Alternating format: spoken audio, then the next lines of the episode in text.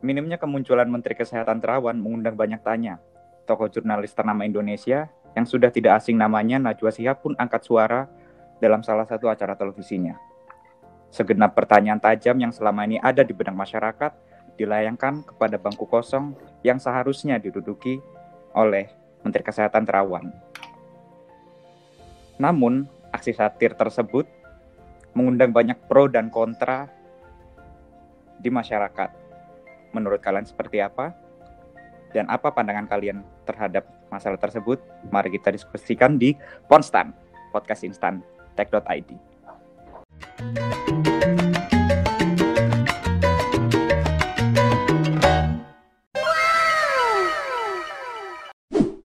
Halo teman-teman, balik lagi di podcast tech.id. Kali ini kita bakal berdiskusi di konten baru kita yaitu Ponstan, podcast instan. Hari ini saya bersama rekan saya, Mas Aldian Faisal. Halo, halo. Nah, tapi kita nggak cuma berdua aja, tapi kita ditemani sama tamu-tamu spesial kita. Yang pertama ada Kakak Ave. Halo. Nah, Kakak Ave ini dari Your Legal Portal yang biasa disingkat YLP. Siap. Udah Kakak Ave ya? Ya. ya. Salah mana? Nah, selanjutnya ada juga tamu spesial yang selanjutnya itu Kakak Nina. Halo Kakak Nina. Ya, halo. Nah, Kakak Nina ini dari Asertain. Iya benar. Benar sekali. Sangat sangat baik sekali. Apa-apa kan sedih. Yang terakhir dan sangat sangat spesial teman terkasih kita Mas Brawijaya. Halo Mas Brawijaya. Halo semuanya. Ini Mas Brawijaya ini biasa dipanggil Mas Roy Mas ya. Betul. Mas Roy. Oke, oke. Loh beneran ini Mas Aldian. Siap, siap. Mas Brawijaya ini bisa dipanggil Mas Roy. Iya, iya. Nah, oke. Gimana apa sebelum masuk ke sebelum masuk ke diskusi nih? Gimana kalian sehat semua kan? Kan Alhamdulillah. masih Sehat. Alhamdulillah Sehat, Alhamdulillah. dengan seger. ya, Indonesia Indonesia kan masih masih belum jelas terkait COVID ini naik atau turun pena, apa penyebarannya ya. Siap, siap. Mudah-mudahan sehat selalu ya. Amin, amin. Amin. Amin. Amin. Nah, oke. Tanpa berpanjang lebar lagi, langsung masuk ke diskusi aja ya. Oke, oke. Tadi kan teman-teman udah denger narasi yang udah aku jabarin kan di awal ya. Iya, iya. Ya, ya. Nah. Teman-teman sendiri itu sebenarnya setuju nggak sih buat aksi satir yang dibuat oleh Najwa Shihab di acara televisinya mempertanyakan bangku kosong yang seharusnya diduduki Menteri Terawan. Tapi sebelum teman-teman jawab nih, Mas Aldian mau ngasih pandangan dulu sebenarnya pandangan netizen tuh gimana sih di media sosial? Waduh. Ayo monggo Mas Aduh, aduh. Aldian. Ya ini eh, sedikit pengantar aja sih. Ya mungkin teman-teman sendiri juga udah tahu. Eh, k- kalau aku sendi- sendiri sih sebenarnya lihat kayak yang dilakukan Najwa Shihab itu kan eh, hal yang biasa aja sebagai jurnalis dan dia mempertanyakan eh, pada pejabat publik ya kan. Nah tapi kan eh, lucunya di eh, media sosial kita ini ternyata eh, pandangan orang beda-beda nih. Ada yang pro, ada yang kontra, ada yang anggap itu hal biasa dan ada yang eh, kontra dengan hal itu. Bahkan eh, nyata-nyata menyerang Mbak Najwa entah itu eh, tentang kehidupan pribadinya atau menyatakan Mbak Najwa itu tidak etis atau terlalu menyudutkan narasumbernya eh, dan lain sebagainya. Kayak gitu sih. Makanya eh, mungkin di sini teman-teman ada pandangan nih ter- eh, terkait hal ini. Monggo monggo. Mulai dari siapa enaknya? Ave mungkin kali ya? Oh, dari aku ya. iya. Mungkin karena nama aku dari A gitu ya, jadi kayak harus aku. iya benar benar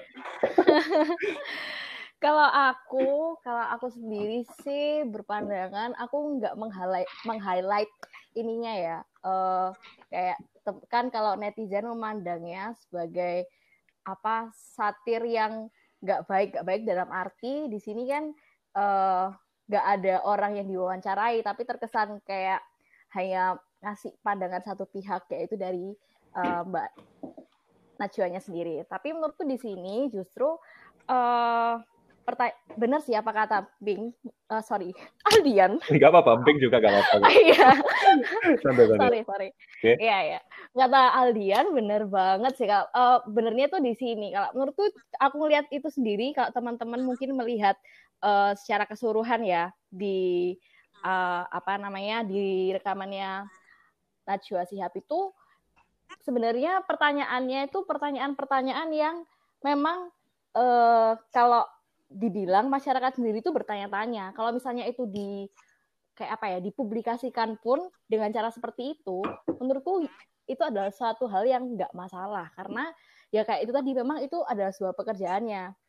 Dan di sini yang ditiberatkan menurutku ininya e, pertanyaannya itu sendiri bukan Najwa Sihabnya yang e, mengemas itu dalam bentuk satire dan benar-benar memang e, terkesan oh kenapa e, menteri harus hadir bukan itu yang dicari tapi e, anggapannya kalau kita masyarakat kita itu butuh tahu uh, jawaban dari pertanyaan-pertanyaan itu dan pertanyaan itu kalau nggak dilontarkan uh, dalam hal ini melalui Najwa Sihabnya sendiri ya.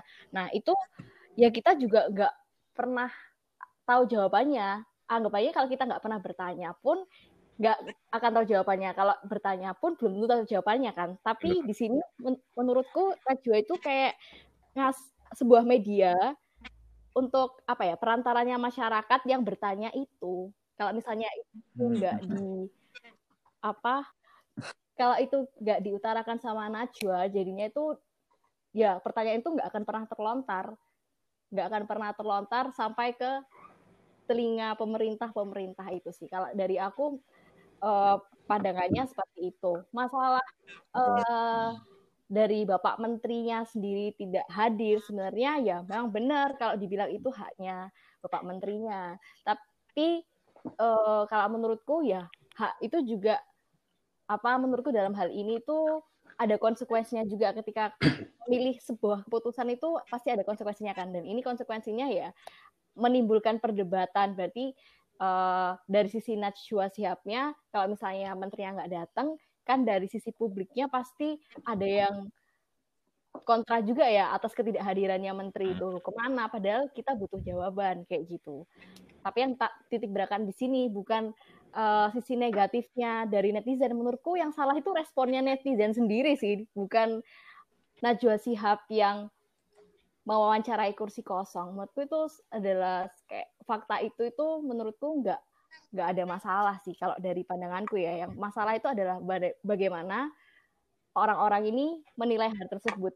Yang diambil malah dari sisi personalnya Najwa Shihab bahkan uh, sampai sisi profit pun mereka apa mereka sangkut pautkan kayak ya untuk naikkan rating atau bagaimana tapi menurutku kan kalau misalnya uh, Najwa siapnya sendiri itu punya rate sudah punya rating yang tinggi. Untuk menaikkan rating menurutku bukan suatu prioritas ya kalau menurutku. Jadi ya lebih titik beratnya pada itu tadi sih. Supaya pertanyaan itu uh, terlontarkan melalui medianya oh iya iya benar jadi jadi intinya itu kayak sebenarnya Najwa Siap tuh cuma nampung apa yang ada di masyarakat itu terus jawabannya dipertanyakan ke dokter Rawan mm -hmm, itu benar, ya? benar.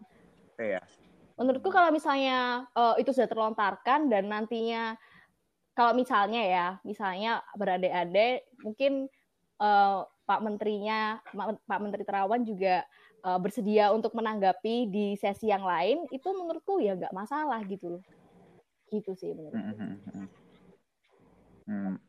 Menarik, menarik, menarik. Oke, buat oke selanjutnya kalau Kakak Nina, Kakak Nina gimana pendapatnya buat masalah? Iya. Yeah. Buat masalah aksi Najwa ini.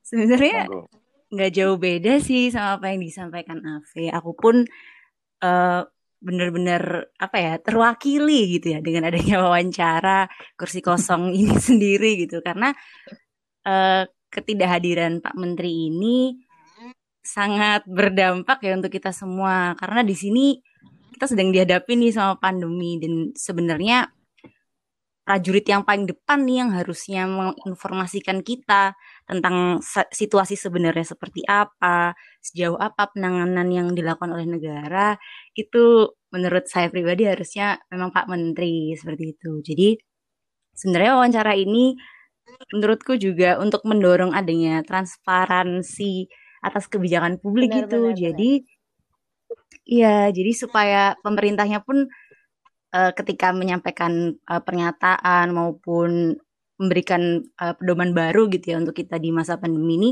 mereka juga mampu bertanggung jawab atas hal itu. Jadi uh, sebenarnya aku sangat tidak masalah, tapi mungkin uh, yang netizen menjadi kontra itu mungkin metodenya mungkin ya. Hmm. Um, hmm. Ya mungkin dianggap beberapa pertanyaan terlalu menyudutkan dan sebagainya. Tapi kembali lagi sebenarnya kalau dilihat-lihat pertanyaannya itu sangat substansial iya. dan uh, apa ya sewajarnya kita ajukan sih iya, sebenarnya. Jadi hmm. bu, itu masih masih batas iya, wajar. Iya, masih betul, masih batas wajar kok. Kalau bis kalau dibuka tuh apa videonya dan kita bedah pertanyaan satu-satu sebenarnya nggak menyudutkan. Iya, memang kita membutuhkan gitu. Itu sih dan takutnya malah gini ya, jangan-jangan malah masyarakatnya nih yang belum siap akan adanya transparansi itu sendiri gitu. Hmm. Karena sebenarnya ini tuh bisa mendorong adanya transparansi dari pejabat publik gitu, bukan cuma di masalah pandemi, hmm. tapi di masalah-masalah hmm. lainnya gitu. Jadi ketika kita terlalu apa misal menekan atau kontra dengan hal-hal yang baik kayak gini yang bisa menimbulkan apa ya informasi yang sehat nih ke publik itu malah menurutku bisa jadi bahaya dan bumerang buat masyarakatnya sendiri nih bisa-bisa kita mudah dikibulin nanti ke depannya kayak gitu sih mantap mantap mantap hmm, iya iya Se sebenarnya masuk akal sih kalau Nina kakak Nina bilang kayak buat kalau pertanyaan itu masih batas wajar dan kalau misalnya dipertanyakan pun bisa dengan mudah dijawab sih sebenarnya hmm. ya sama ya, ya. ya. Iya sih. Harusnya. Kalau pandangannya Mas nah, Brawijaya gimana? Mas, Brawijaya? saya ini kan kemarin sempat bikin thread di Twitter kayaknya. Ya. Iya betul. Nah, silakan. Iya. Oh. Ya, silakan Mas, silakan. Menarik, ya. menarik ini. Gimana Jadi ini kan saya sebagai masyarakat biasa kemarin ngelihat Mbak Najwa bikin apa namanya wawancara imajiner itu memang sangat menarik karena tapi yang saya kagetkan adalah bagaimana respon masyarakat. Di sini kan masyarakat itu terkesan malah jatuhnya tidak melihat secara substansi tapi hanya mempermasalahkan bagaimana Mbak Najwa ini menyampaikan gitu kan. Kalau dari pandanganku sih yang jadi poin permasalahan selain bagaimana netizen menanggapi itu sama ini sih ada komunikasi publik yang kurang dalam pejabat kita. Kan Pak Terawan ini kan sebagai pejabat publik, ya pertanggungjawaban dia itu memang sudah sewajarnya salah satunya disampaikan kepada masyarakat. Itu sih itu yang mungkin um, belum dilakukan secara maksimal. Mungkin kalau kerja beliau mungkin ada yang sudah dikerjakan, tapi komunikasi ini yang kurang dilakukan dengan efektif sampai-sampai selevel menteri harus menunjuk seorang juru bicara itu kan memperlihatkan seringkalinya blunder penyampaiannya dalam masyarakat sehingga menciptakan kegaduhan. Nah ini sih jadi selain harus uh, memiliki kemampuan manajerial juga seorang menteri itu harus punya kemampuan komunikasi publik yang baik sih. Itu sih kalau pandanganku. Wih, mantap. Hmm, mantap. Keren, keren. keren. keren. mantap, kan? Pengamat politik ya? Enggak lah. Pengamat politik bentar Mas Brawijaya ini ya. Jadi apa kalau Mas Brawijaya bilang tadi, intinya itu seharusnya menteri itu punya kemampuan polit kemampuan komunikasi yang baik supaya Betul. bisa menyampaikan informasi dengan baik Betul. dan benar ke masyarakat agar tidak Betul, nggak gaduh kayak sekarang sih informasinya ya. Hmm, hmm, hmm, benar benar. Terakhir terakhir nih, gimana Mas Aldian? Mas Aldian, pendapatnya buat aksi? Aduh, ya, kayaknya sih pendapatku udah disampaikan sama teman-teman juga lah, uh, udah terwakilkan semua. Terus aku sendiri juga setuju banget hmm. sama uh, Brawijaya tadi yang tentang komunikasi publik uh, dari para pejabat ini yang harusnya perlu diperbaiki. Soalnya kan ya gimana-gimana hmm. tanggung jawab dalam penanganan COVID ini sendiri juga jadi tanggung jawab tanggung jawabnya Menteri Kesehatan Pak Terawan itu sendiri dan yang apa ya istilahnya harusnya sangat tahu entah bagaimana keadaan di lapangan dan strategi apa yang dilakukan oleh pemerintah untuk penanganan ini itu kan harusnya ya Pak Menteri itu sendiri. Jadi uh, memang harusnya uh, Pak Terawan sebagai pejabat publik harus mengkomunikasikan uh, dan menjawab apa yang dipertanyakan sama uh, Mbak Najwa nih. Tapi aku mencoba apa ya istilahnya ya, uh, mencoba melihat dari sudut pandang lain sih kayak gitu. Uh, kalau yang dari pertanyaannya Mas Rakyu ini kan jadi tentang bagaimana tentang aksinya Mbak Najwa yang bikin pertanyaan ke Bang. Nah, ini tapi aku mau coba lihat dari sudut pandang lain sih. Ini kan tadi pertanyaannya Mas Rakyu lebih ke bagaimana tentang apa ya uh, aksinya Mbak Najwa ini yang bikin apa ya panggung hmm, benar panggung eh, kok panggung sih istilahnya kayak menanyakan pertanyaan-pertanyaan pada bangku kosong itu tadi itu sih kalau dari apa ya sudut beberapa pendapat dari masyarakat sendiri itu sih ya itu hanya Pak Terawan gitu. Kalau mau nggak hadir ke apa eh, apa ya ke media sekalipun itu kayak ya na namanya narasumber itu ya boleh dong kalau menolak untuk hadir. Dan beberapa pendapat uh, yang aku baca sekalipun itu juga kemarin ada yang istilahnya uh, ngasih pandangan nih. Jadi kayak apa ya uh, kalau hadir dan dipermalukan seperti ini ya wajar aja dong kalau naras narasumber uh, bakal menolak kayak gitu sih itu yang uh, mau aku hmm. coba itu apa coba tekanin lagi sebagai pembanding aja sih kayak gitu Menarik, menarik, menarik.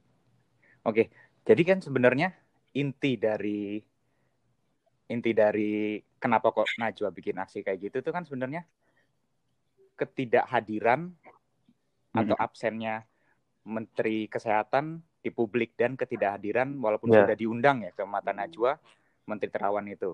Nah, kalau ngomongin soal undang mengundang nih, sebenarnya apakah dokter terawan itu berhak untuk menolak? Sebenarnya tadi sudah disinggung sedikit sama kakak Ave dan itu menjadi poin menarik. Sebenarnya menurut kalian dokter terawan sebagai Menteri Kesehatan itu apakah berhak menolak untuk menjadi narasumber di di acara Najwa itu sebenarnya berhak nggak sih Aku kalau menurut kalian? Dari kakak Nina gimana pendapatnya masalah aku. itu nih apa? Masalah hak haknya dokter terawan menolak di interview Gimana menurut Kakak Nina? Oh, Oke, okay. kalau mengenai hak seorang narasumber menolak untuk hadir di sebuah acara, itu menurut aku benar gitu. Maksudnya ya itu memang menjadi haknya seorang narasumber. Dia punya batasan dong. Uh, dia ingin diwawancara oleh siapa dalam acara yang seperti apa kayak gitu sebenarnya.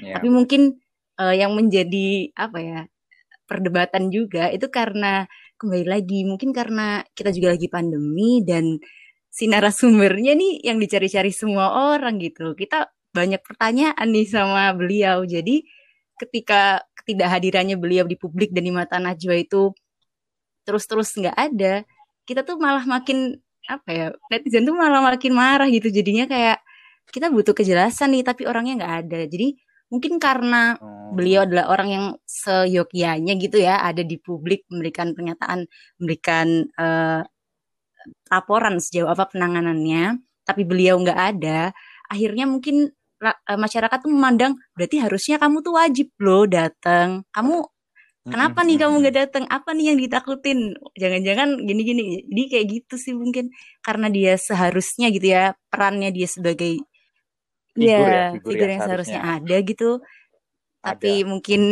entah karena satu dan lain hal nggak ada gitu ya di publik itu sih mungkin akhirnya masyarakat jadi memandang ini ke arah yang lain bahwa uh, lo kan nggak wajib dia untuk hadir gitu. Oh, tapi itu juga benar gitu. Dia memang nggak wajib untuk hadir. Cuma mungkin karena keadaannya nih yang kayak wah kita butuh dia nih kita pengen penjelasannya. Nah itu sih yang mungkin akhirnya harusnya sih kamu datang nih Pak kayak gitu. Nah, aku aku boleh masuk nggak nih? Hmm, boleh, boleh, boleh, uh, boleh, boleh, boleh. Dari silakan, silakan, yang silakan, silakan. Mbak Nina tadi nih, uh, sebenarnya ini sendiri udah sempat apa ya dijawab sama Mbak Najwa sih juga sih di Instagramnya kalau nggak salah ya. Hmm.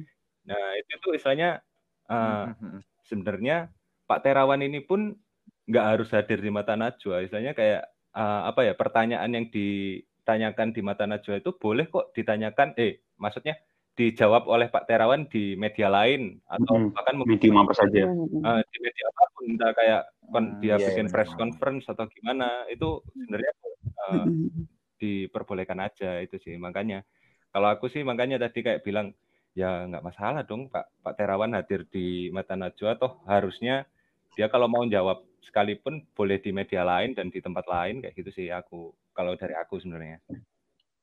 Oke, okay, nambahi sih kalau aku oh ya, oh ya, boleh ya. Eh silakan silakan okay. Kak Kafe. Uh, kalau ya menurutku benar itu memang uh, dari semua orang ya sebenarnya semua orang tuh memiliki hak untuk uh, datang atau nggak datang uh, ke undangan interview tap atau wawancara gitu. Tapi uh, di sini kalau menurutku uh, seorang menteri ya seorang menteri itu tetap memiliki kayak mm, tanggung jawab secara moral sih. Jadi bukan uh, memang sebenarnya nggak ada hmm. apa nggak ada sanksi hukum yang kayak gimana tapi dia menurutku memiliki tanggung jawab moral untuk uh, memberikan informasi yang transparan sih ke publik. Dan dalam hal ini kan memang uh, informasi itu sedang dibutuhkan uh, bagi banyak orang kan. Ya menurutku mm-hmm. mm, di situ sih gapnya itu di situ. Ya memang punya hak tapi di lain sisi beliau juga punya tanggung jawab moral untuk menjawab pertanyaan-pertanyaan itu ya. Solusinya ya itu tadi. Hmm. sebenarnya sudah disinggung berapa kali sih sama Kak Aldian tadi yang tentang uh, bisa dijawab di media lain. Ya itu memang solusinya kayak gitu sebenarnya. Sebenarnya ini masalah yang uh, dalam tanda kutip dalam tanda kutip tidak perlu dibesar-besarkan kan. Karena uh, ya memang sudah yeah. memang ada solusinya jadi nggak hmm. perlu kayak dibesar-besarkan netizen terus uh, menyerang apa ya menyerang pribadi seseorang Bad, itu, pribadi. itu hal yang tidak hmm. diperlukan sih. Hmm. Menarik, menarik, menarik. Kalau misalnya Mas Brawijaya nih, ada pandangan lain nggak terkait hmm. hak menolaknya dokter dokter Terawan? Ini sih apa namanya kalau tentang hak dia datang atau tidak itu memang itu sudah apa namanya pilihan beliau untuk memilih mau datang atau tidak dan tidak ada aturan yang memang mewajibkan. Tapi kan kalau kita bilang bicara tentang komunikasi publik itu kan kita harus tahu nih bahwa ini yang dihadapi itu adalah masyarakat. Nggak ada ad, di atas aturan hukum itu kan ada etika, ada hal-hal yang memang tidak diatur secara tertulis, tapi itu merupakan kewajiban seorang pejabat gitu loh.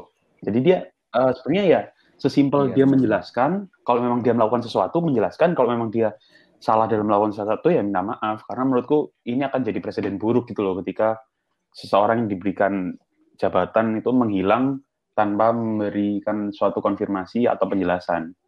Makanya kalau kalau memang beliau salah ya minta maaf, kalau benar ya menjelaskan. Kalau emang tidak mampu ya silahkan mengundurkan diri. Sesimpel itu sih harusnya gitu.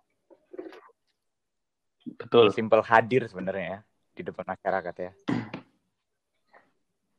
Sebenarnya kayak absennya dokter terawan itu sebenarnya yang inti dari permasalahan permasalahan kegaduhan di masyarakat terkait aksi Mbak Najwa itu intinya absennya dokter terawan itu kan sebagai menteri iya, iya, kesehatan ya. Sepakat, sepakat. Nah ngomong-ngomong masalah absen nih sebenarnya kan dokter terawan adalah pejabat publik yang di mana sebagai menteri kesehatan itu absen atau tidak hadir di masyarakat. Sebenarnya seberapa fatal sih kalau misalnya seorang pejabat publik tiba-tiba menghilang mm -hmm. ketika dibutuhkan lah intinya ya. Sebenarnya seberapa fatal sih sebenarnya. Gimana kalau menurut Mas Brau seberapa fatal nih? Absennya itu kalau menurut saya adalah sesuatu hal yang sangat fatal sih. Karena ketika sudah di level posisi pejabat publik level teratas di level kementerian itu kita nggak ngomong lagi dia mampu mengerjakan sesuatu atau enggak karena kalau sudah dipilih di situ tuh harusnya level-level memang sudah mampu. Cuman eh, komunikasi ini hmm, menjadi pasti. penting karena ini kan menunjukkan gestur. Dia menjelaskan ke masyarakat. Di mana gestur ini yeah. diterima untuk masyarakat itu punya rasa aman tahu bahwa memang dia itu berada di pemerintahan yang tepat.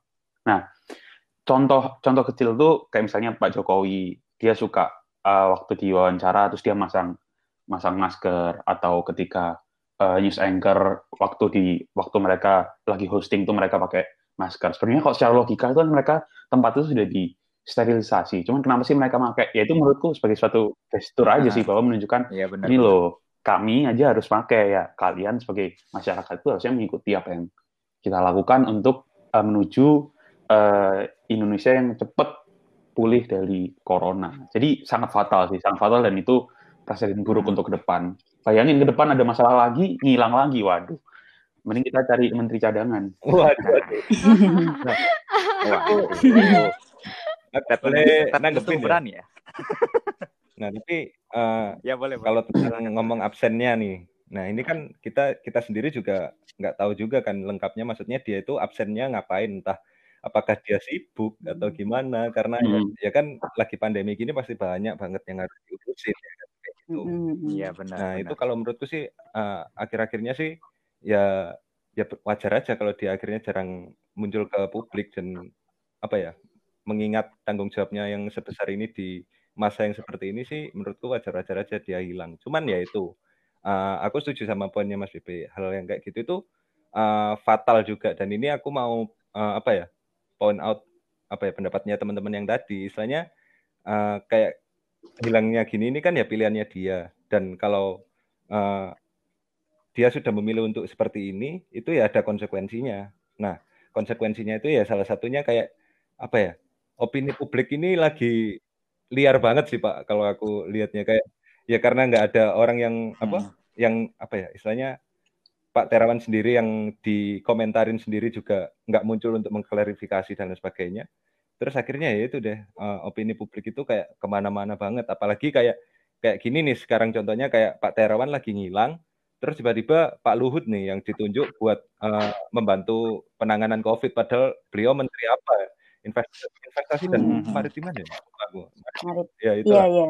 dan itu itu kan sebenarnya sangat jauh dari tupoksinya ya. Terus kita kayak, kayak lihatnya Pak Luhut ini kayak Iya. menteri segala apa segala urusan malah kayak selevel perdana menteri bener kata apa Mbak Najwa itu sendiri. Ya itu sih. Terus akhirnya ya itu wah ini kok ngilang malah digantikan sama menteri lain yang apa eh, tugasnya sebenarnya nggak nggak ada nih di skup eh, kesehatan. Nah itu sih. Akhirnya eh, opini publik pun liar dan sebagainya. Dan itu sih konsekuensi yang harus diterima. Menurutku kayak gitu. Hmm, Oke, kalau aku mau Hmm. nambahin, boleh nggak? Oh, iya. Silahkan Eh, silahkan. Jadi mungkin highlightnya itu adalah akan menjadi fatal kalau eh, itu menimbulkan keresahan masyarakat sih. Jadi benar kata Kak Aldian tadi yang bilang kalau ya memang mungkin menteri menteri kesehatan dalam tanda kutip bisa sibuk dalam keadaan-keadaan seperti ini ya memang masuk akal. Cuma eh, tapi kalau misalkan memang kehadirannya dibutuhkan untuk memberikan yang tadi itu tadi informasi untuk tidak menimbulkan keresahan masyarakat itu ya kenapa tidak gitu. Jadinya sebenarnya itu masalah manajemen sih. Sebenarnya masalah manajemen kalau menurutku. Jadi Hmm. eh ya apakah perlu tampil apa enggak sebenarnya itu tergantung dia bisa manage apa ya manage waktunya atau manage dirinya sendiri di mana aku prioritas untuk hadir di situ. Kalau misalnya aku nggak hadir di situ dampaknya akan lebih krusial daripada aku nggak bisa hadir di tempat yang lain. Kayak gitu sih. Jadi masalah manajemen aja sih. Kalau misal eh, nggak bisa hadir atau gimana. Toh ya kalau misalnya dikaitkan sama eh, yang peristiwanya Mbak Najwa ini yang mewawancari kursi kosong kan sebenarnya juga Mhm. kalau dari berita-berita ya ada isu kalau memang sudah pernah di eh, dipanggil bukan sekali dua kali tapi memang berkali-kali dipanggil kan. Nah itu memang Mhm. eh, Iya benar. kalau mungkin aku jadi Mbak Najwa sendiri ya kalau aku mau mencari kursi kosong itu adalah salah satu solusi untuk pertanyaan ini supaya bisa tersalurkan kayak gitu sih sebenarnya ya highlightnya itu itu sebenarnya kalau menurutku jadi ya bukan hadir tidaknya tapi gimana sih kalau ada pertanyaan kayak gitu seperti itu eh, Bapak Menteri ini menjawabnya dengan seperti apa karena memang ada keresahan masyarakat di situ gitu Dari kata-kata yang Mbak Ave yang menarik itu sebenarnya itunya siapa? Highlightnya kayak sebenarnya kalau dari kakak Nina mungkin ada pendapat Yes, lain. em, sepakat sih sama eh, tentang poinnya dari BB komunikasi publik, terus Alien dan Ave juga yang tadi sempat menyinggung soal ini fatal apa ya fatal nggak fatal gitu, tergantung gimana eh, Pak Menterinya sendiri. Nah, eh, kenapa menurutku pribadi, kenapa ini tuh harus benar-benar emang ada transparansi di masa krisis kayak gini? Karena gini loh, masyarakat tuh kepada siapa lagi gitu, kita harus percaya tentang penanganan ini semua gitu loh kalau bukan kepada ya. pemerintah. Nah, Dan ketika misalnya nih tadi manajemen dari Kementerian Kesehatan ya mungkin kita juga bisa singgung karena itu satu kesatuan juga kan sama Pak Terawan. Manajemen dia dalam menyampaikan informasi yeah. dan transparansinya itu kurang. Nah, kepercayaan publik terhadap keseriusannya pemerintah ini juga akan kurang, juga akan menurun. Dan jadinya itu malah liar gitu. Opini-opini publik yang ada di uh, di media sosial kayak gitu sih. Jadi absennya ini ya hmm. ya kembali lagi ya kalau manajemennya cukup baik mungkin bisa nggak seliar ini gitu pemikiran-pemikiran uh, masyarakat gitu dan mempengaruhi banget sih ke kepercayaan publiknya terhadap pemerintah. Sebenarnya sebenarnya semuanya balik lagi ke manajemen ya, manajemen manajemen masalahnya pandemi Covid ini ya yang ada di tangan Menteri iya, Kesehatan itu sebenarnya ya. Hmm. Mas Rafi. Oke. Okay. Kayaknya sama mau nambahin sedikit sih Mas Rafi. Kenapa Mas? Uh, kan tadi oh, monggo monggo monggo. Mbak Afi kan udah nyampein juga kalau apa namanya mungkin ini ada kesibukan dari si menteri yang akhirnya dia tidak bisa hadir di waktu yang tepat. Nah menurutku ini kan harusnya kalau udah level menteri itu dia kan sudah punya dirjen-dirjen kan sih di bawahnya. Jadi kalau kalau yang sifatnya keputusan yang teknikal-teknikal itu ya nggak harus lah menteri itu harus 24 jam di situ memantau, tapi kan bisa melakukan gestur-gestur politik yang kayak gini. Ini yang ini yang penting sih nggak nggak cuma sekedar apa namanya melalui di lapangan tapi juga menenangkan masyarakat. Itu aja sih tambahanku. Hmm. siap, siap. aku juga ada tambahan sedikit nih. Uh, nah ini kan iya, jadi uh, bahasnya tentang menghilangnya Pak Terawan dari apa ya dari publik lah. Nah tapi menurutku ada yang lebih fatal lagi sih. Menurutku itu yang lebih fatal lagi itu kayak seumpama Pak Terawan sendiri itu menghilang dari tugas dan kewajibannya itu sih.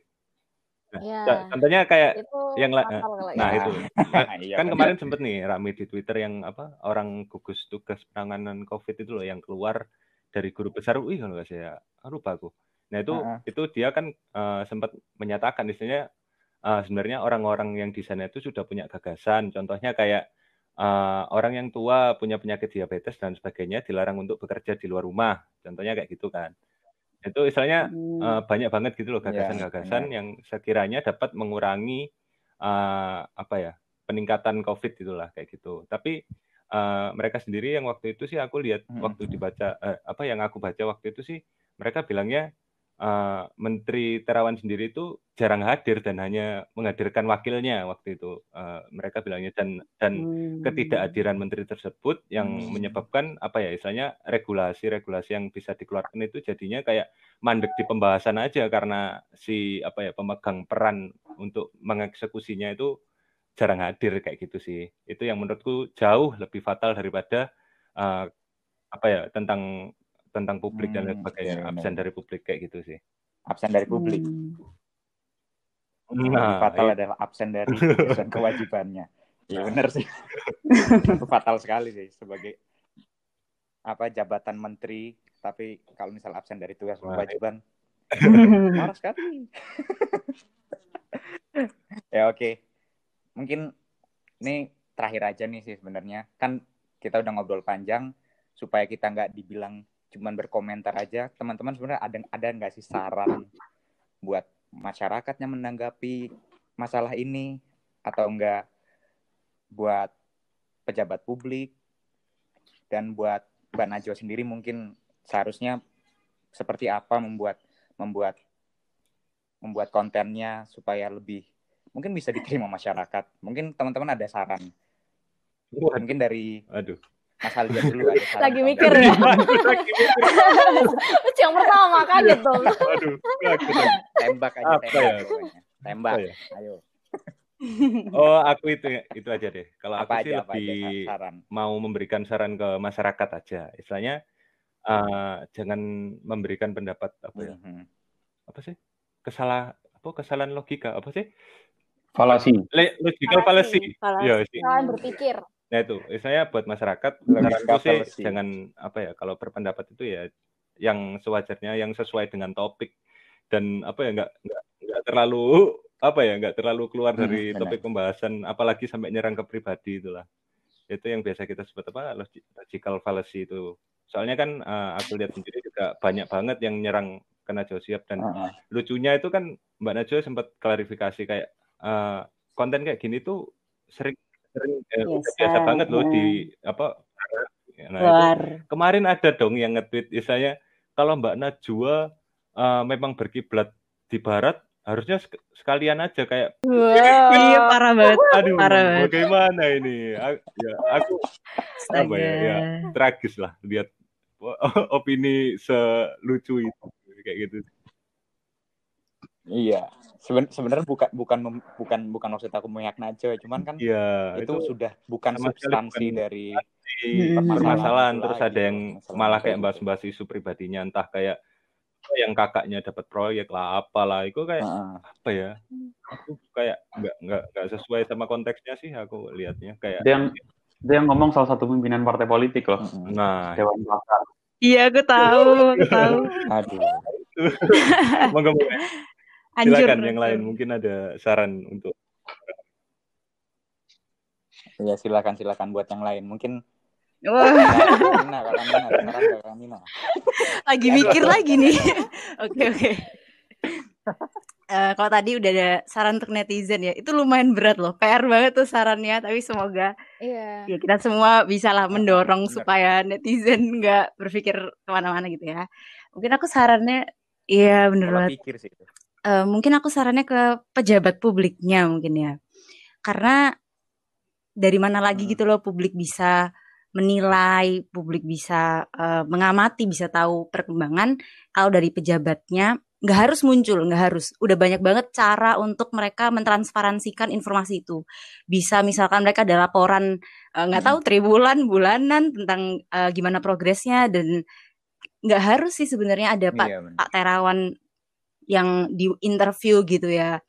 Jadi uh, untuk pejabat publiknya mungkin harus membenahi nih tentang komunikasi publiknya yang paling baik ke masyarakat tuh gimana supaya isu-isunya tuh nggak makin liar gitu loh bahkan uh, ada juga kan petisi yang ingin memundurkan Pak Terawan gitu wah ini wah. udah tingkat wah. keresahannya udah gimana tuh gitu ya kan yeah, udah yeah. desperate gitu loh masyarakatnya jadi ya kepada para pejabat publik kalau ingin kami percaya ya tolonglah transparan gitu Terus sih mungkin. Mantep banget sih. Iya, iya, iya. Nah, ini apa kayaknya udah mau itu, Q. Udah mau. Enggak, enggak, enggak. BB dulu mungkin. BB dulu. Nah, tadi, tadi apa? Makanya aku merasa, aduh, kata kunciku sudah diambil nih. Gimana nih aku mikir yang lain. Terus soalnya uh, kalau menurutku, kalau menurutku, Gimana? ya, ya, oke. Okay. Uh, menurutku uh, kuncinya ini karena mungkin kalau uh, ini dari ininya aja sih dari masyarakat secara keseluruhan ya untuk menanggapi konten-konten uh, kayak gini karena kan sudah aku nggak tahu ini semacam sudah berakar atau gimana kalau kita melihat konten-konten yang sensitif seperti ini kan pasti hmm. uh, banyak pro dan kontra dan kadang-kadang tuh orang itu uh, lebih banyak berspekulasi dari uh, komen-komentar-komentar itu. Tidak apa ya tidak berusaha untuk mencari tahu sendiri. Jadi ujung-ujungnya mereka itu kayak dalam tanda kutip bebek. Jadi kayak ngikut ngikut hmm. apa namanya pendapat tertentu yang padahal belum belum tentu benar juga sebenarnya. Jadi uh, kalau dari permasalahan ini sebenarnya aku mikirnya fokusnya jangan ke masalahnya sih. Fokusnya itu sama solusinya.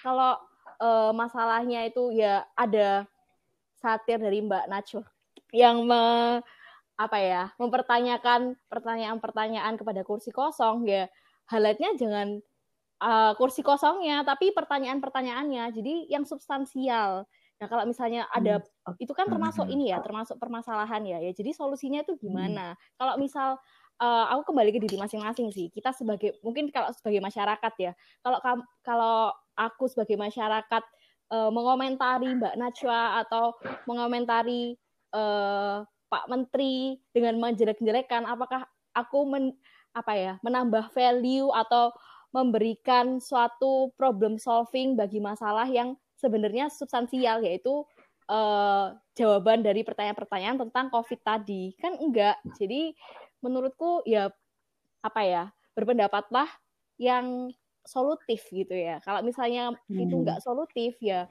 buat apa kamu uh, membuang-buang waktu dan tenaga untuk sesuatu yang sebenarnya itu nggak ada kemanfaatannya Wih. kayak gitu sih. Kalau aku kayak gitu. Benar, benar, benar. Solutif. Iya, iya benar, benar. ya. Oke, oke, nice, nice. Menarik, menarik, menarik, menarik.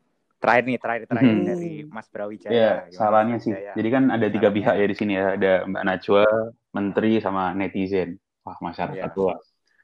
Ya kalau buat Mbak Najwa sih, ya, benar. saya nggak ada saran sih. Karena memang apa yang dia lakukan itu sudah sewajarnya seorang pewarta, uh, seorang bagian dari jurnalistik secara besar. Hmm. Cuman bedanya di sini hmm. dia itu punya panggung, jadi dilihat jutaan orang, jadi pasti orang melihat bagaimana penyampaian dia salah atau benar itu, hmm. waduh itu sangat subjektif sekali. Tapi yang pasti dia ingin menyebarkan berita bagaimana seorang menteri ini bekerja. Dan itu menurut saya sangat tidak salah dan tidak ada saran buat saya. Terus kalau tentang uh, netizen, wah ini mau dikasih saran sampai besok pagi juga tetap kayak gitu-gitu aja. wow, wow, wow. Bener banget kami kayaknya. Iya, apalagi di era yang kayak sekarang ini kita nggak bisa bedain nih mana netizen benar, mana memang yang uh, sebagai buzzer politik. Bingung banget kita. Hmm, Kadang teman-teman teman-teman kalau lihat di tweetnya mana Josihab apa yang di Twitter itu mungkin ada dua tiga orang yang misal ya ini dua, dua tiga orang yang emang yang nggak suka tapi selebihnya itu kok banyak banget yang nggak suka. Nah itu perlu harus di kita harus cap ini harus kita pertanyakan nih kok bisa nih komentarnya seragam kok bisa nih apakah ini uh, sistem cyber yang ter ter apa namanya ter apa di terencanakan dibuat untuk menghancurkan hmm. seseorang karena kepentingan apa namanya golongan tertentu nah ini yang harus jadi kalau saran buat netizen susah lah berubah aja deh sekolah ya, sekolah perubahan tuh obat, perubahan obat. tuh dimulai dari diri sendiri ya kak Brawe nah, ya. ya. sekolah sekolah yang pinter ya, melihat sesuatu itu harus skeptis nggak cuman iya benar benar ditelan mentah-mentah terus yang terakhir buat menteri nih uh, kerja ya, yang benar kalau saranku ya kerja yang benar kalau kalau salah ya minta maaf kerja lagi kalau salah minta maaf lagi tapi kalau gitu terus ya silakan mundur lah itu mungkin langkah paling tepat Iya, iya. Itu sih dari saya, teman-teman. Oh, ya mungkin kalau uh, buat Mbak Najwanya ini ya uh, tetap semangat aja ya kamu tuh karena memang uh, pembawaannya kayak gitu ya. Jadi apa ya? Maksudnya jangan berhenti gara-gara uh, jangan berhenti ya. gara-gara ya? banyak netizen yang uh, dalam tanda kutip nggak masuk akal itu uh, menyerang pribadi Mbak Najwa sih. Gak bakal berhenti juga kan Mbak Najwa ini. Oh, iya. iya makanya iya, semangat aja lah. Memang kalau uh, pembukaan satu yang kontroversial ini kalau Mbak Najwa ini aku acungi jempol ke pedianya jadi salut lah aku.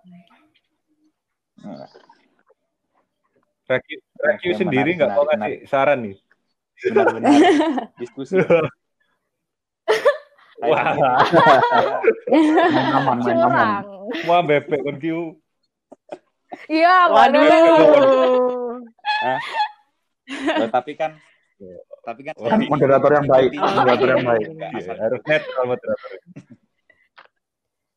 Saya, saya ini Duh, apa saya ini moderator yang netral. moderator. Oh. Ya wes oke. Ya wes oke ya, ya. Ada. Ya, sebenarnya menarik menarik semua sih terkait gimana? Gak apa nggak oh, jadi. Aku itu deh. Ada uh, itu kayak... Aku dikit deh. Aku mau komentari tentang sarannya BP tadi. Uh, buat yang sarannya tentang Pak Terawan tadi uh. sih.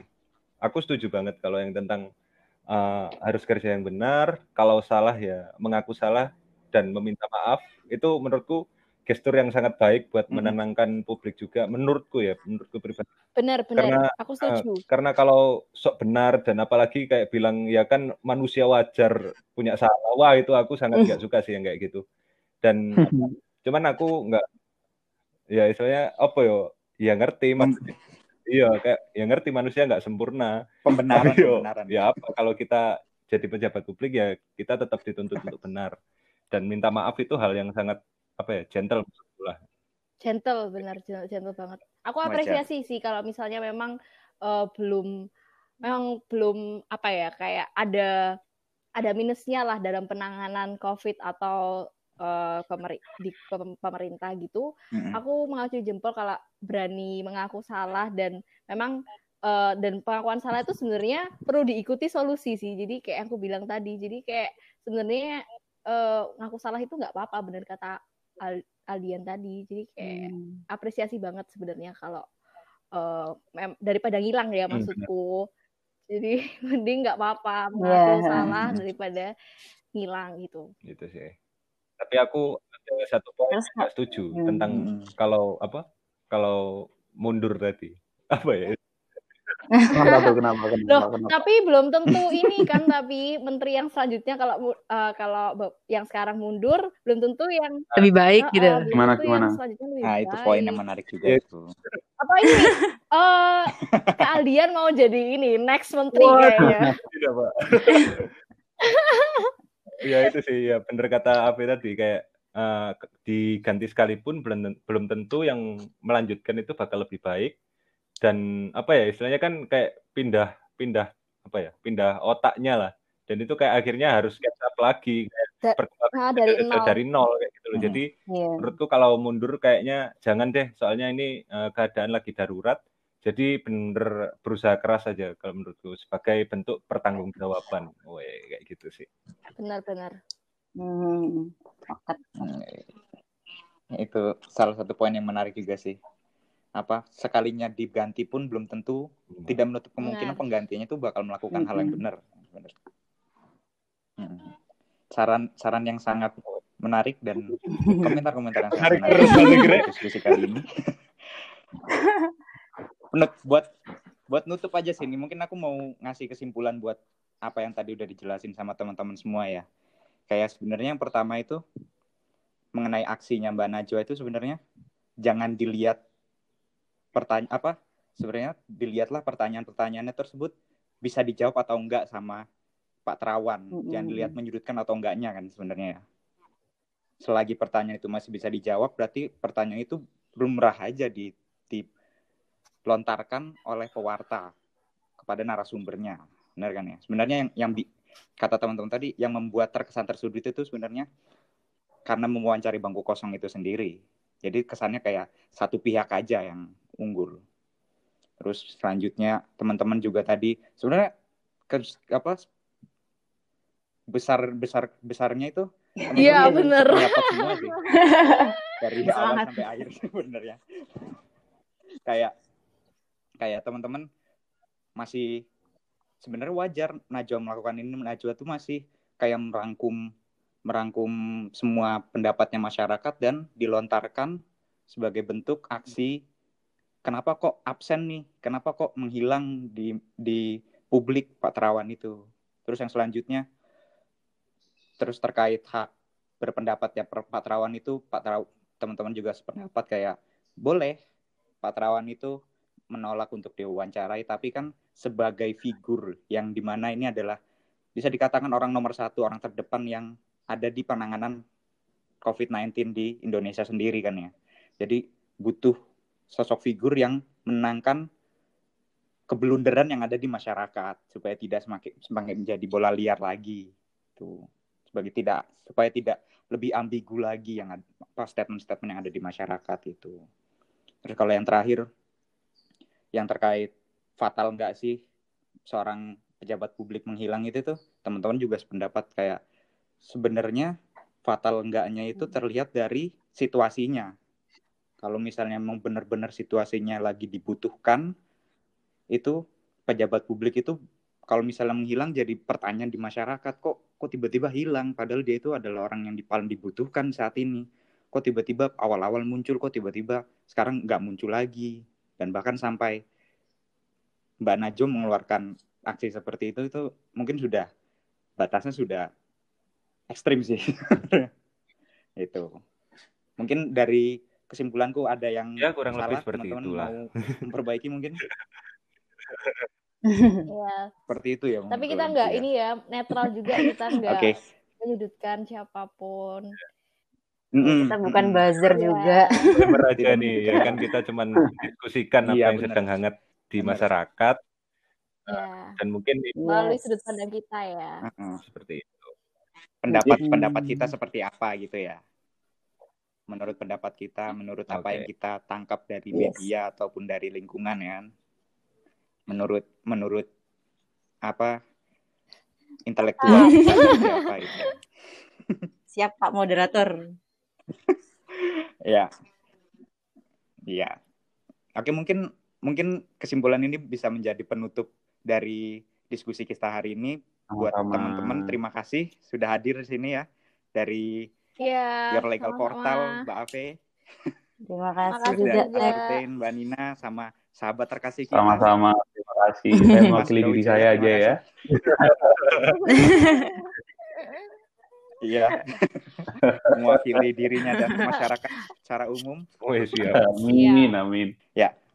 Kan ini tag, podcast tag kali ini kan nggak Eh, sendiri konten. dan berkolaborasi sama beberapa konten nih. Mungkin dari Legal Portal atau The Certain mau Namanya platform. Oh iya. Dari kakak Ave bukan dulu, promosi sih ya, soalnya kalau Euroliga Portal Ya, ini juga platform nggak benar platform. mencari keuntungan. Jadi eh cuma mau menginformasikan Hmm. aja ke teman-teman yang mendengarkan podcast ini. S- eh, kalau ada kita tuh bikin bikin ini website namanya www.yourlegalportal.com. Itu platform web- websitenya kita. Tapi kalau eh, Wah. mau follow di IG juga ada yang dalam kemasan Instagram ya. Itu your your legal portal Mm-mm. langsung di follow aja nggak apa-apa. Kalau misal Wah, mungkin membantu teman-teman insight uh, punya insight-insight hukum gitu ya. Um, kalau sekarang ini masih ini sih kayak uh, atau kalau mau sorry sorry kalau misal juga kalau mau tanya-tanya tentang uh, apa ya tentang isu dari perspektif hukum juga nggak apa-apa sih ya. Jadi uh, monggo heeh. apa?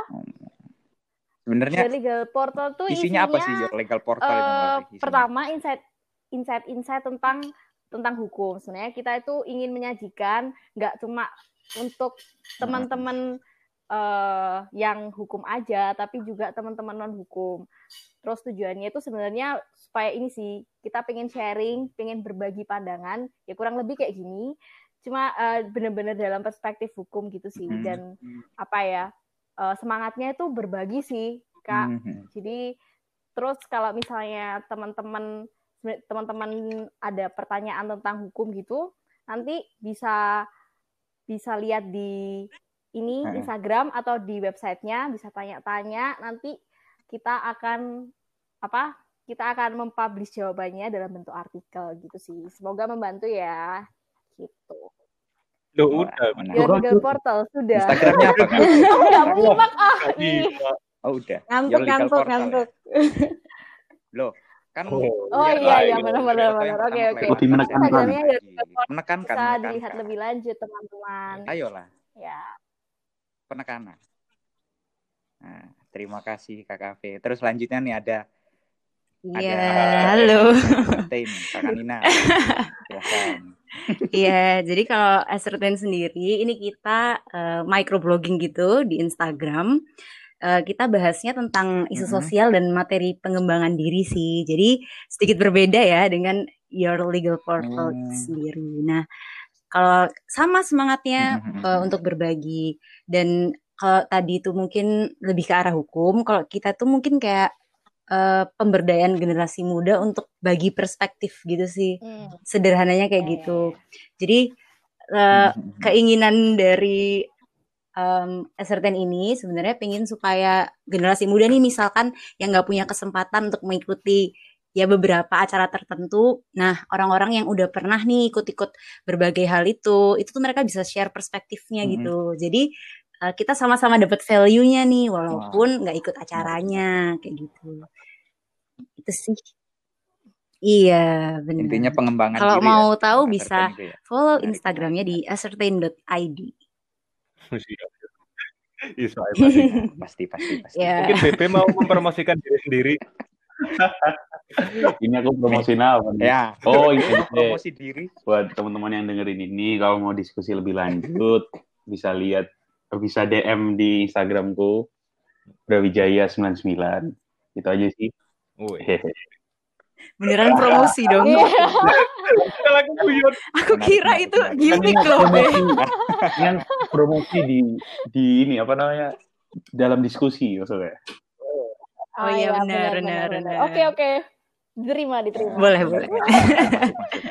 Loh, tagnya Oke, nggak? oke. Oh tag ini sih. Iya.